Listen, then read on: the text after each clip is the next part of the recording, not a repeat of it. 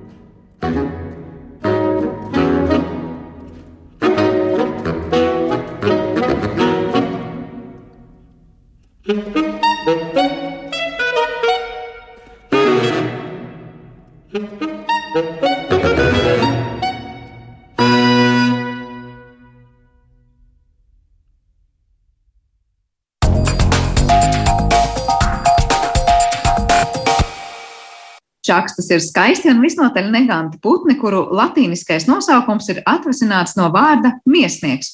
Sarunā ar ornitologu viesturu ķerus mana kolēģi Zana Lāce Baltalksne noskaidros, kā klājas Latvijā mītošo brūno un lielo čakstu sugai un uzzināsim šo putnu medīšanas un barības glabāšanas paradumus. Skaisti bandīti.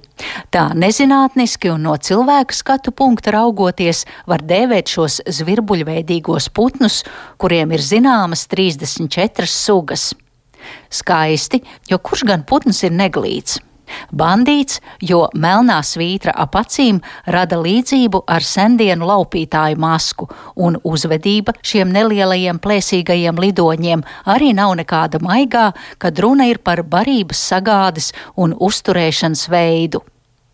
Skatot uz Latvijā mītošajām čakstu sugām, vienai no tām, lielajai čakstei, pēdējos gados ir vērojams populācijas pieaugums.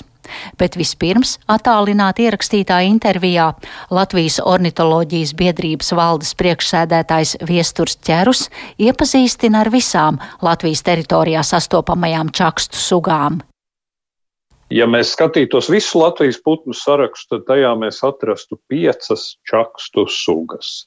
Bet uh, mūsdienās Latvijā līgsto tikai divas no tām - brūnā čakste un lielā čakste. Senākos laikos, vismaz vēl 20. gadsimta sākumā, Latvijā līgzdojas arī melnpieris čakste, bet nu, tā pēdējā laikā ir ļoti liels retums, un kopš 40 gadiem Latvijā redzēt tikai sešas reizes. Tā nopietni Latvijā tātad mēs varam runāt par lielo čaksti un, un brūno čaksti.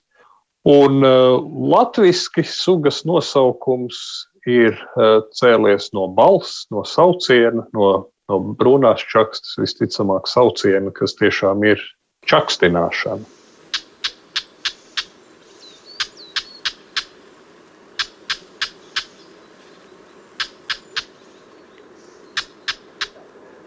Bet uh, zinātniskais nosaukums vairāk parāda putnu dzīvesveidu, kas ir eh, cēlies no latīņu valodas vārda miesnieks.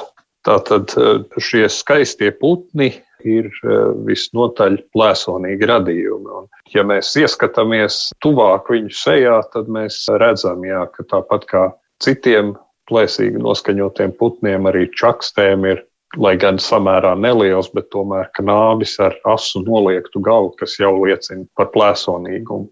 Un uh, paliekot turpat pie čakstas sejas, vismaz tēviņi, brūnaini čakstai mātīts ir mazliet citādāks. Tātad čakstas sejā arī vēl bez kanābja var redzēt viņas neganto raksturu. Vismaz tad, ja mēs esam skatījušies kādreiz vecas Disneja multenes, kur bandīti tika zīmēti ar tādām nelielām melnām maskām uz sejas. Un tas arī ir viena no čakstēm raksturīgajām pazīmēm, tāda plata melna josla cauri acīm kas, protams, nav saistīta ar plēsonīgumu, bet tikai asociācija ar veciem komiksiem un vecām multenēm, bet tomēr.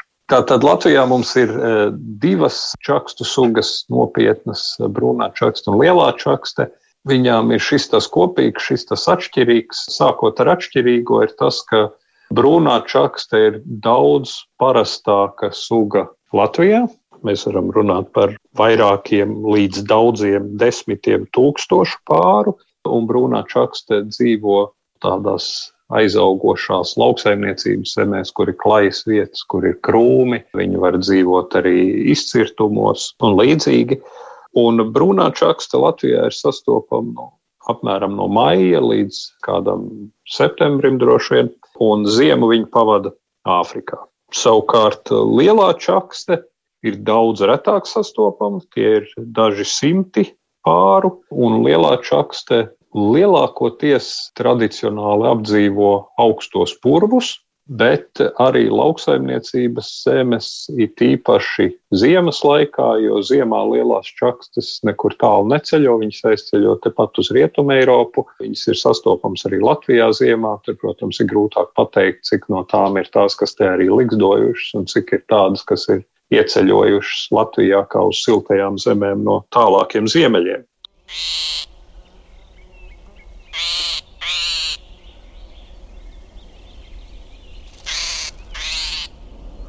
Un, eh, ja mēs skatāmies Latvijā, tad šīm sugām arī tas populācijas stāvoklis ir eh, mazliet atšķirīgs, jo brūno čakstu skaits Latvijā iet uz leju, brūno čakstu populācija Latvijā samazinās, un tāpēc šobrīd jau mēs varētu klasificēt šo sugu kā apdraudētu.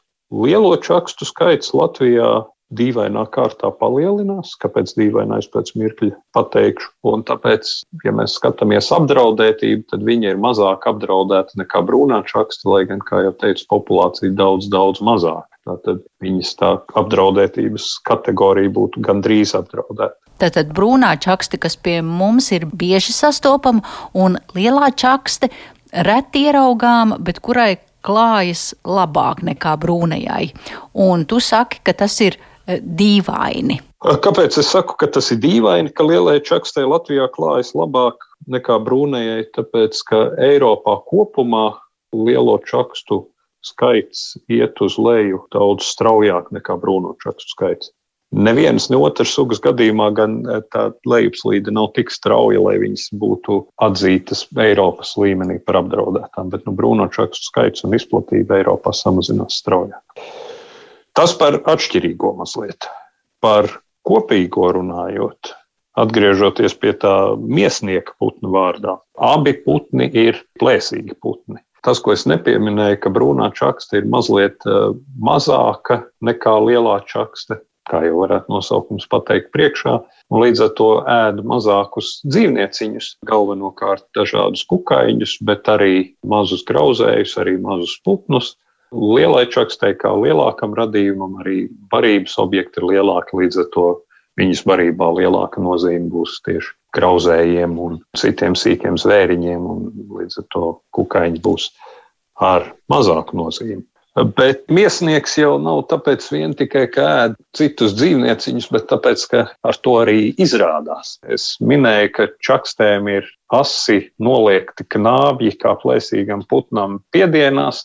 Kājas gan viņai nav varenas, kā mēs varētu iztēloties, teiksim, ērklim vai, vai uh, ūpim. Kājas viņai ir salīdzinoši švakas, kā jau zvirbuļveidīgam putnam, un uh, līdz ar to viņa Tad, kad grib saplēst to savu upuri, tad viņi to nevar labi tā vienkārši pieturot ar kāju. Un tad nu, čakstas mēdz savus barības objektus uzspraust uz dzeloņdrātīm vai dabā uz dzeloņiem vai iespraust eh, zaru žāklītēs.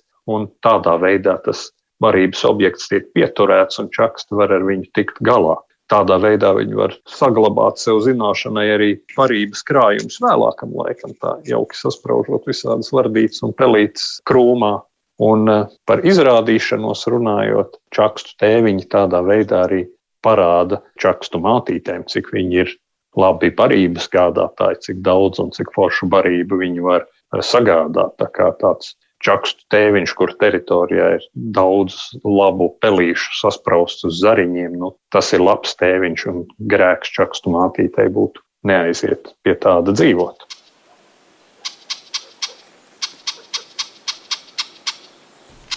Es esmu lasījusi, ka čakstēm ir arī īpaša medīšanas taktika, ka tās var ilgstoši plivināties gaisā uz vietas, eh, savukārt mazus putniņus tās medī, dzenoties tiem pakaļ lidojumā.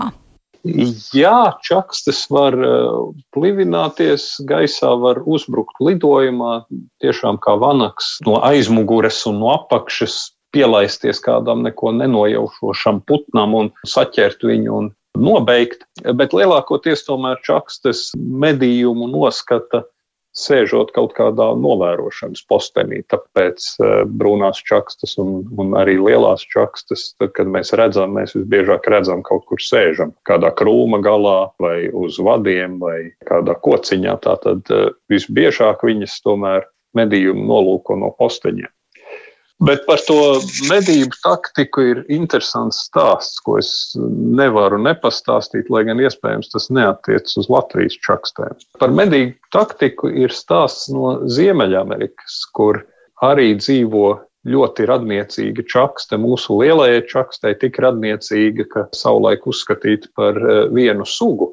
Un ir hipotēze, ka šīs Ziemeļamerikas čakstes ziemā dziedot un atdarinot mazo putniņu balsis, tā pievilina putniņus, lai viņus noķertu.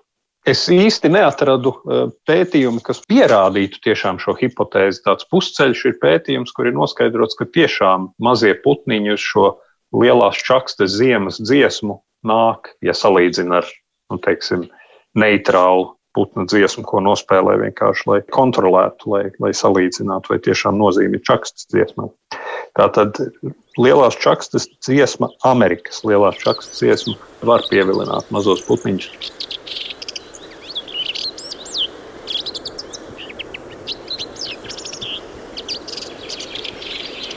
Ja cilvēki tagad noklausās šo uh, sižetu un ieinteresēti putnu vērotāji vēlas redzēt čaksti, vai vari pastāstīt, kur un kad tās vislabāk var ieraudzīt? Ja tagad grib ieraudzīt čaksti, tagad uh, ziemā, tad vienkārši ir jāpabraukā pa laukiem, jo šobrīd uz laukiem var redzēt uh, lielās čakstas, bet, kā jau teicu, lielā čaksta ir, lai gan ar augšupējošu populāciju, tomēr salīdzinoši rets putns. Tā kā iespēja viņu pamanīt nav ļoti liela, pat ja viņi īpaši neslēpjas. Bet reizēm var pirmajā brīdī lidojumā izskatīties pēc žagatas, bet, ja jūs apskatāt uh, putnu labāk, tad patiesībā viņš ne tuvu nav līdzīgs žagatai. Nu, jā, ir melna, samērā gara aste, ir uh, melni spārnu gali, bet uh, mugura ir gaiši pelēka, vēders balts un, un, kā jau teicu, tā melnā maska uz sejas.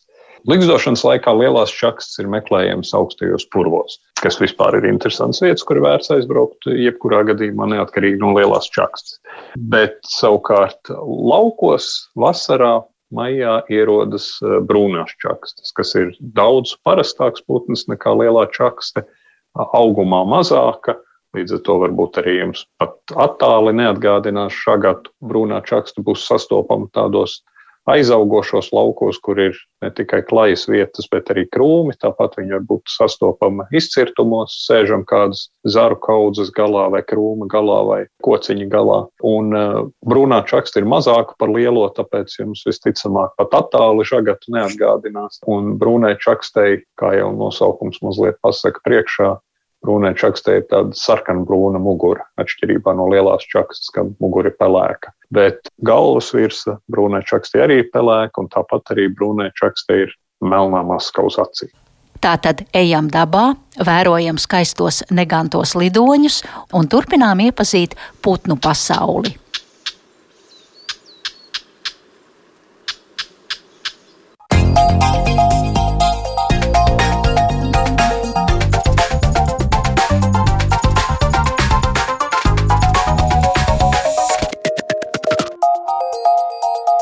Zināmais nezināmajā.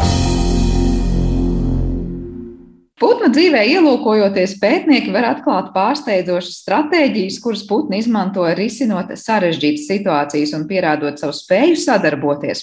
Viens no šādiem neseniem pētījumiem, ko veikuši arī pētnieki no Daugavpils Universitātes sadarbībā ar ārzemju kolēģiem, ir ļāvis iepazīt melnām uzķērāju neparasto daudzsievību. Par to pāru veidošanos putnu pasaulē un sadarbošanos individu starpā vairāk runāsim ar vienu no pētījuma autoriem - Tartu Universitātes profesoru un Latvijas Universitātes asociēto profesoru biologu Indriķu Kramu. Labdien! Labdien! Indriķis, es te piesaucu starptautisku pētījumu, bet jūs esat viens no tiem autoriem. Pastāstiet īsti, ko jūs esat atklājuši, jo es saprotu, ka publikācija starptautiskā žurnālā nu jau sevi ir pieteikusi un diezgan veiksmīgi.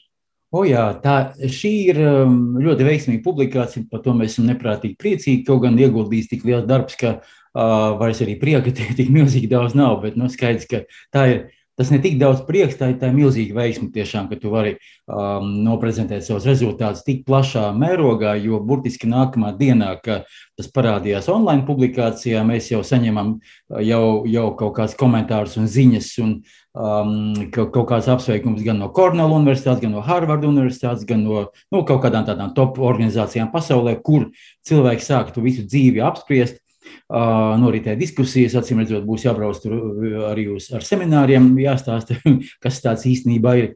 Tā doma pat par šo visu ir tāda, ka kopumā tā ir kooperācija, sadarbība.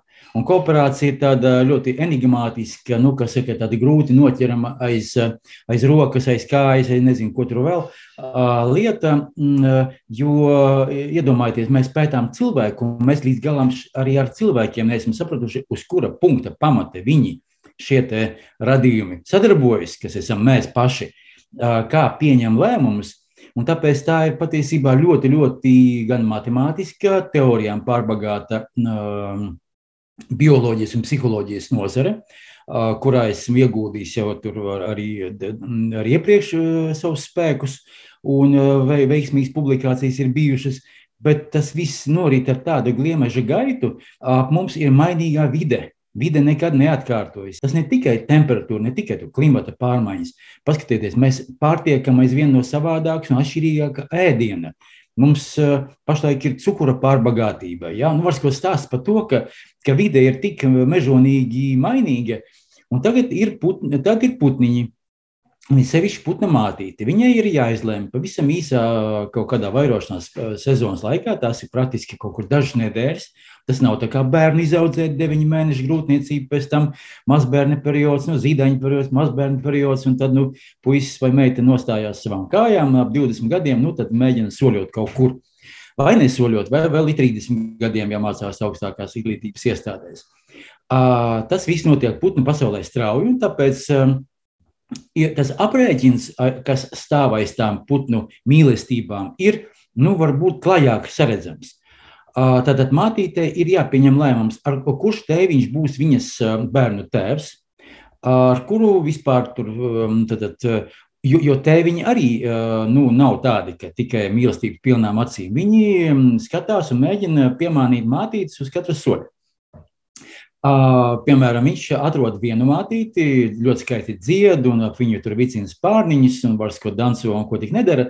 Un līdz ko mātīte sāk parēt olas, tēviņš ir prom, kādi divi kilometri tālāk, un atkal dzied, it kā viņi un stāsta visiem, ka viņam nav mātītes, ka viņam, viņš ir vientuļš tēviņš, viņš gribētu um, iep, tuvāk iepazīties ar kādu vientuļu mušķērē um, sieviņu. Uh, un, ja viņš tādu dabūna, uh, viņš tādu pievilina, ja viņš ir ārēji pievilcīgs, melns, tur baltu pierīti, tad tādā gadījumā um, tad, uh, tur būs nākamā sieva, bet par to viņš nerūpēsies.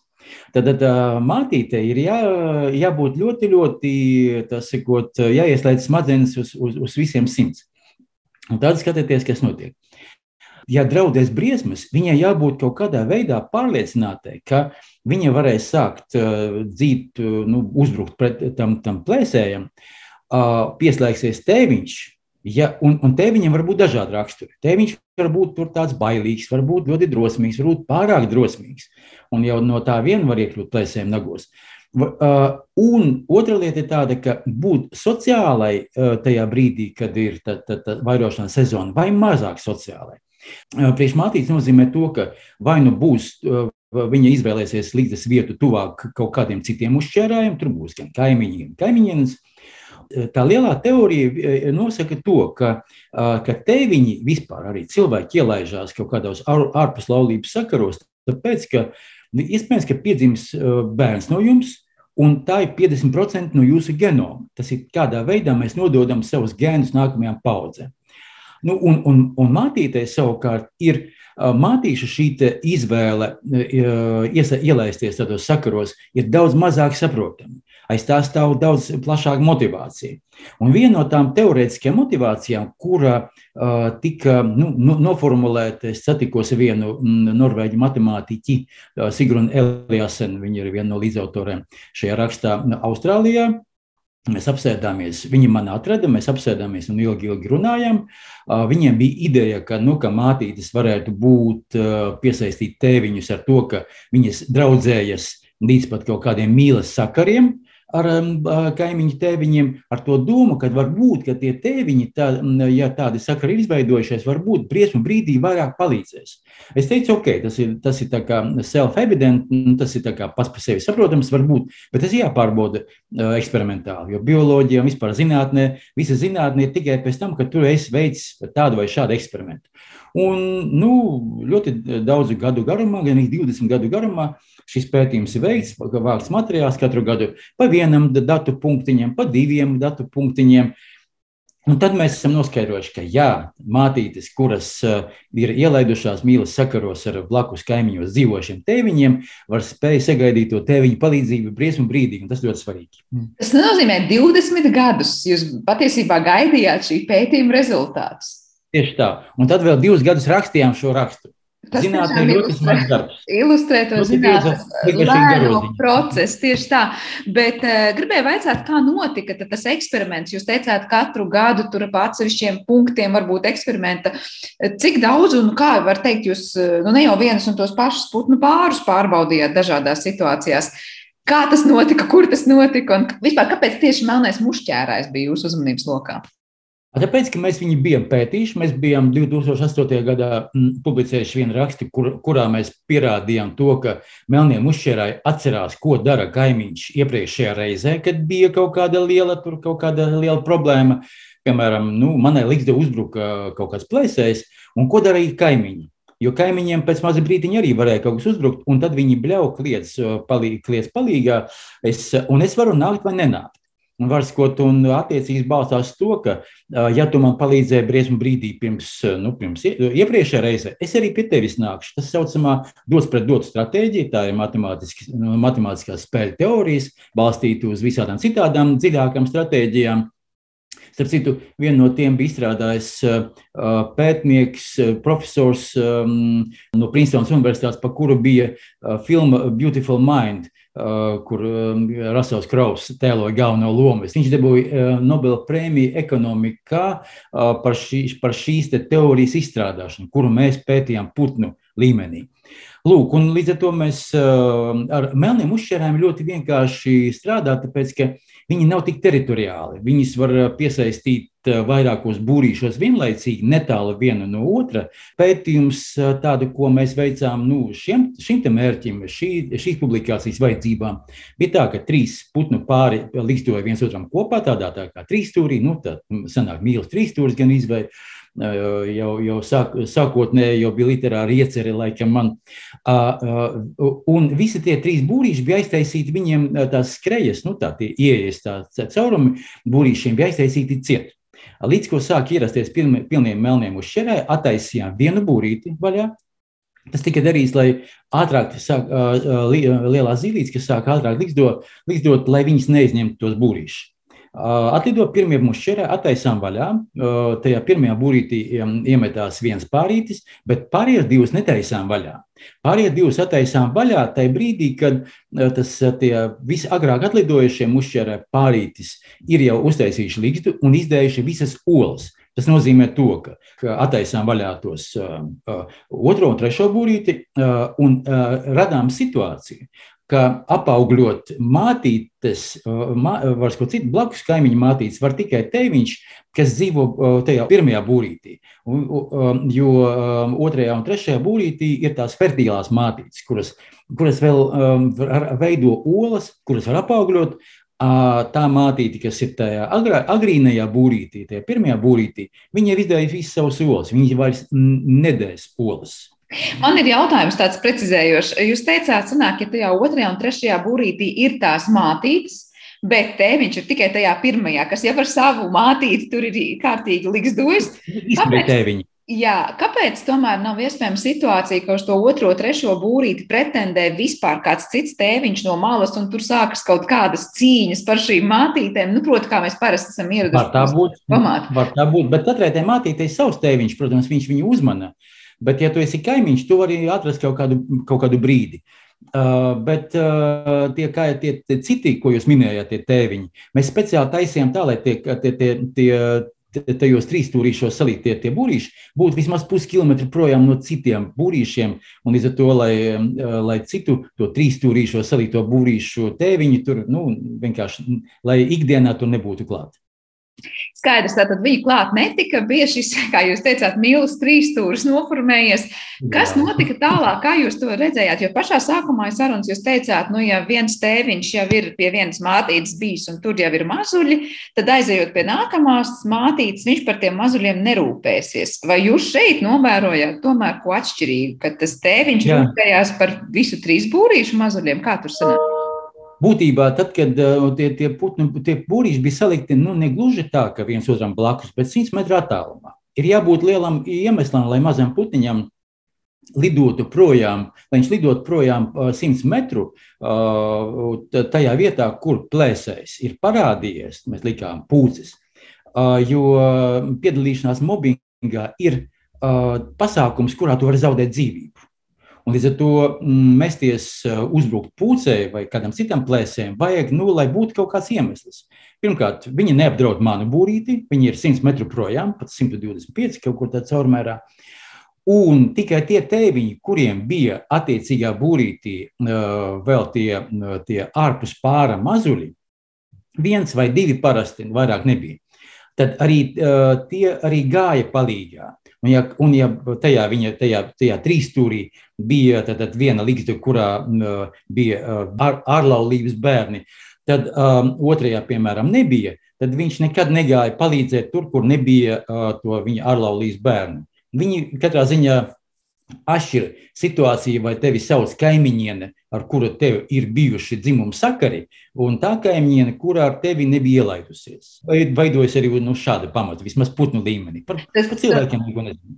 Tas nozīmē, ka par putniem runājot, tomēr nu, tāda tēviņu altruistiska uzvedība attiecībā pret citām kaimiņos dzīvojošām mātītēm, ja viņa nav bijusi viņa šajos dzimuma sakaros, patiesībā nav novērojama. Viņš palīdz tikai tur, kur ir viņa bērni. Tā ideja tad, tad ir balstās uz to, kas tad īstenībā ir altruisms. Altruisms ir savu gēnu aizsardzība. Ir otra veida altruisms, tad, kad tu palīdzi neradniecīgiem individiem, un tas saucās apusējs altruisms. Tas sauc angliski tas reciprocal altruism. Vienkārši uh, uh, Sandra pēc Indriķa ir ļoti laba, um, iedod ūdens glāzi vai ko tur vēl, tad, kad viņš jau gan īsi jau, kas saka, tūlīt jau būs noslēpts galīgi. Un, un Indričs palīdzēs Sandrai tad, kad viņai kaut kas būs. Bet starp viņiem nekā nav. Ja? Viņam nav kopīgu bērnu un tā tālāk. Tad tā ir tā situācija. Un, uh, tā cilvēku līmenī uh, strādā daudz vairāk. Mēs uh, sadarbojamies ne tikai tāpēc, ka mums ir bijuši kaut kādi iepriekšēji kaut kādi mīlestības sakari, bet, bet visu laiku mēs esam tuvu tam. Ja, jo cilvēki vienmēr koķetē viens ar otru, kaut kā tur piemiedz ar un vēl kaut kā. Ja veidojas draudzības, neobligāti tas būs um, šādā līmenī. Un it sevišķi cilvēkiem tas ir pavisam savādāk. Um, lai piedzimtu bērns, ir jānotiek nu, kaut kam, ja, jo, nu, lai izšķirtos par bērna dzemdēšanu, um, tas, tas nav tik vienkārši kā mušķērāja gadījumā. Ņem sadēju olas divās nedēļās, trijās nedēļās, tev mazuļi ir ārā. Uh, tomēr kaut kā bērnu iznēšās deviņi mēneši, tur, ja, tur teiksim, sievietei ir nu, ļoti ir jāizdomā, ko viņi vispār dara. Un, un patiesībā tas iespējams mūsu cilvēku kooperācija daudz mazāk saprotama, tāpēc ka tā balstās uz daudz lielāku nenoteiktību. Tas galvenais, ko jūs sapratāt no sava pētījuma, tātad jūs gribējāt pārbaudīt šo hipotēzi, vai tādā mīlestības trīsstūrī esošais tēviņš, kā saka, nu, viegli veido šo trīsstūra attiecības. Es tā saprotu, pēc tam vai rūpēsies par tiem saviem bērniem, tad savu gēnu tālāk nodošanu. Kas ir tas galvenais, ko jūs sapratāt, un vai tas bija pārsteigums, un kāpēc šim pētījumam ir ļoti liela un tāda starptautiska rezonance? Nu, pirmkārt, ir tā, ka Um, šī tā saucamā promiskuitāte, kad uh, mātīte un tēviņš, uh, nu, varbūt ir kaut kā, kaut, ir vairāk dzimumu partneri, no kuriem ir, um, no kuriem pēcnācēji. Bioloģija tā ir tāda liela, interesanta tēma, tāpēc, ka uh, kāpēc tas vispār notiek? Jo ir tomēr tam visam izmaksas, tas saucās angliski kosts. Un, piemēram, um, seksuāli transmisīvās slimības Tas ir gan putniem, gan cilvēkiem. Nu, ir stipri jāpadomā, ko tu vispār dari ja, un cik tas ir higiēniski. Lūk, un, um, un tāpēc ir par to ir dārgi reizēm jāmaksā. Ja, mums ir HIV un visādi citādi slimības, un galu galā uh, hepatīti, un, un kas tik tur nav. Jo kaut kādai parādībai jābūt bāzētai uz kaut, kādām, uz kaut kādiem faktoriem, kas ir nozīmīgi. Un tas ir jāpierāda eksperimentāli. Līdz ar to mēs pierādījām eksperimentāli, ka tādi mazi putniņi, ļoti, um, kur ļoti maz ticās, daudziem cilvēkiem neticās, ka viņi spēj vispār kaut ko atcerēties. Viņš, nu, ko tad viņš tur var atcerēties, nu, ko tur iepriekšējā reizē viņa kaimiņš darīja vai sociālais partneris? Nu, nevar būt. Ja? Uh, nē, viņi var būt, uh, un turklāt vēl viņi atcerās to, uh, um, acīm redzot, viņi spēj viens otru atšķirt ne tikai, ne tikai um, tāpēc, ka tas ir kaimiņš. Tur ļoti daudz faktoru sanāk kopā. Viņi spēja, spēja viens otru atpazīt pēc sejas, pēc, pēc uzvedības, spēja atcerēties, vai viņi bija mīlas partneri vai nebija. Vai viņi, vai, vai, un, un, varskot, un vai tur arī dos pret dotu. Es ar tevi draudzējos, ar tu man vispār nepalīdzēsi. Ja? Tas nu, mums ir jā, jānoskaidro tālāk. Vai teiksim, kooperācija, kas balstītos uz apusēju altruismu vai altruismu vispār. Um, kas tur tālāk ir? Jo mēs it kā pierādījām agrāk to, ka tas ir apusējs altruisms. Tagad mēs saprotam, ka tur ir arī uh, dzimumsakari, ka tur ir arī uh, uh, nu, iespējas viens uz otra rēķina uh, palielināt savu pēcnācu, savu gēnus nodot nākamajās paudzēs, ne tikai uh, ar savu uh, personīgās sievas palīdzību, bet arī ar citu sievu palīdzību. Mušķerājus vienmēr atcerēsimies, ka mēs runājam par putniem šajā gadījumā. Uh, iespējams, tas arī ar cilvēkiem tieši tāpatās ir, ka tā lieta vispār ir sarežģītāka, un mums jāsaprot, kāds faktors dod ko. Mēs arī aptuveni sākam saprast to, ka ka reizēm melniem uzšķērāji ir sociālāki, un reizēm viņi ir mazāk sociāli. Un tas bija ļoti, ļoti dīvaini. Un mums sāk palikt skaidrāk tas, ka, ja ir, ja, ja tos mušķērājus apdraud vairāk kaut kādi putni, dzēņi, tur spēj izkaut būrīšu un ielīst iekšā kaut kādi sīļi, varbūt pūces, tad tie mazāk tādi apdraudoši, tādi, tādi mazāk apdraudoši tādi plēsēji Un izskatās, ka viņi stimulē uh, socialitāti, viņi stimulē, acīm redzot, to, mm, to promiskuitāti, ka mātītes izvēlas par, par, par saviem, ne, viņai ne tikai viens vīrs, bet arī vairāki vīri. Un tie visi vīri nāk palīdzīgā tajā brīdī, kad viņai ir liels briesmas. Tad, kad ir plē, galvenais plēsējs, ir zīdītājs, tā kā Latvijas mežos pašlaik ir caunas ļoti, ļoti, ļoti uzdarbojās. Tad iespējams tas ļoti stipri samazina socialitāti. Iespējams, ka mums izdosies ar laiku parādīt to, ka, ka, ka caunas klātbūtne kaut kur un putni spēja pat sajust smaržas. Tas atkal tā ir viena interesanta tēma. Viņi sajūt smaržas, sajūt kaut kādu urīnu, kaut ko tur vēl un maina savu uzvedību. Un šai gadījumā iespējams, ka mātītes ielaidīsies mīlas sakaros ar kaimiņiem daudz mazāk, tāpēc, ka, ja tu līgdo kā vientuļnieks, tad tev tāda cauna atradīs daudz, daudz mazāk iespējamību nekā tad, kad tu esi tādā puskoloniālā veidā uh, dzīvojošs dzīvnieks. Jo, piemēram, kaut kāda ienes suņa aizpeldot uz kaut kādu ķīru koloniju, lielo ķīru koloniju, kur dzīvo simtiem putni kopā. Mm, Viņi jau nevar pazīt to ienaidnieci, un tas ienaidnieks var apēst pusi kolonijas vēl labs. Tāpēc vēl ļoti lielā mērā mēs tuvojamies tam, kas tad rada socialitāti. Ne tikai to promiskuitāti, bet arī socialitāti. Nu, mums ir iedota rokās atslēdziņa uz nākamajiem soļiem, uz nākamajiem pētījumiem, nākamo noslēpumu atšifrēšanai. Jā, par nākamajiem pētījumiem jums arī tūdaļ vēl pajautāšu, bet tas nozīmē tā, par, ka tas kopīgais ienaidnieks nevienmēr vienojas šajā gadījumā putnu pasaulē. Ja tas ienaidnieks nav uh, tik draudošs, tad patiesībā, ne, proti, ja, ja tas ienaidnieks ir ļoti, ļoti draudošs, tad tas nevienojas. Ja? Es vēl gribēju pavaicāt par tām mātītēm, kā viena mātīte uztver to otru mātīti, pie kuras tad tas vienas mm, uzķērējs ir aizgājis, vai tur ir arī kaut kāda sāncensība, vai viņām ir tāda nu, vienaldzīga attiecība vienai pret otru. Sākumā liekas, ka vienaldzīgi, un tieši tāpat arī tēviņiem, ka, nu, liekas, ka nu, es, tāds, es kā tēviņš vai mātīte sāku bļaut, uh, ka man tie plēsējas, es viņu sāku mobēt, es vicinu spārniņus un izdodu visādi briesmu saucienus, uz ko atnāk gan, kaim, gan savas sugas kaimiņi, ja liks do netālu, gan uh, kaut kādi citi, nu, citu sugu pārstāvi, un, nu, sākt lidināties ap, ap manu pūci.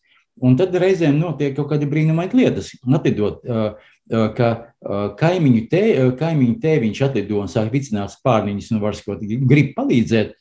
Vietējais tēviņš sāk dot viņam, nu, tā sakot, pa muguru un dzen projām. Un tieši tāpat ar mātītēm.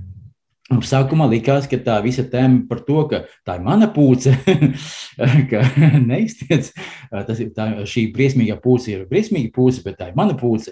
Bet izskatās, ka tur ir, tur ir sācensība par to, ka viens gan tēviņš, gan mātīts kaut ko nojauš, ja?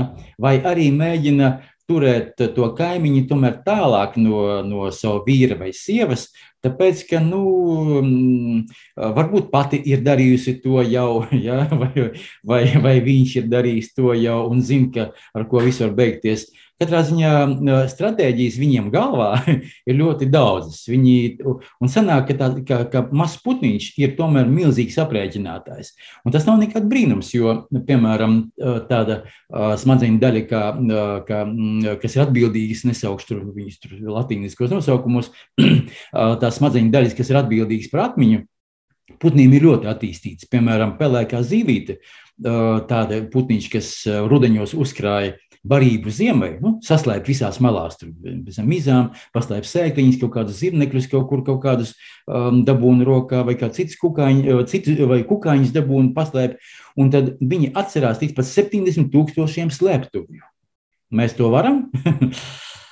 Tā kā putniem ar atmiņu izskatās, ir daudz mazāk problēma nekā mums varētu likties. Un, um, es labprāt iemācītos 70 tūkstoši, nezinu, ja tik daudz pasaulē ir visāda veida hieroglifus. Jā, putni to iespējams var. Jā, tad putni ir ne tikai lieliski savā atmiņā, bet, kā jūs teicāt, arī lieliski aprēķinātāji, mazi, bet aprēķinātāji māk izdzīvot.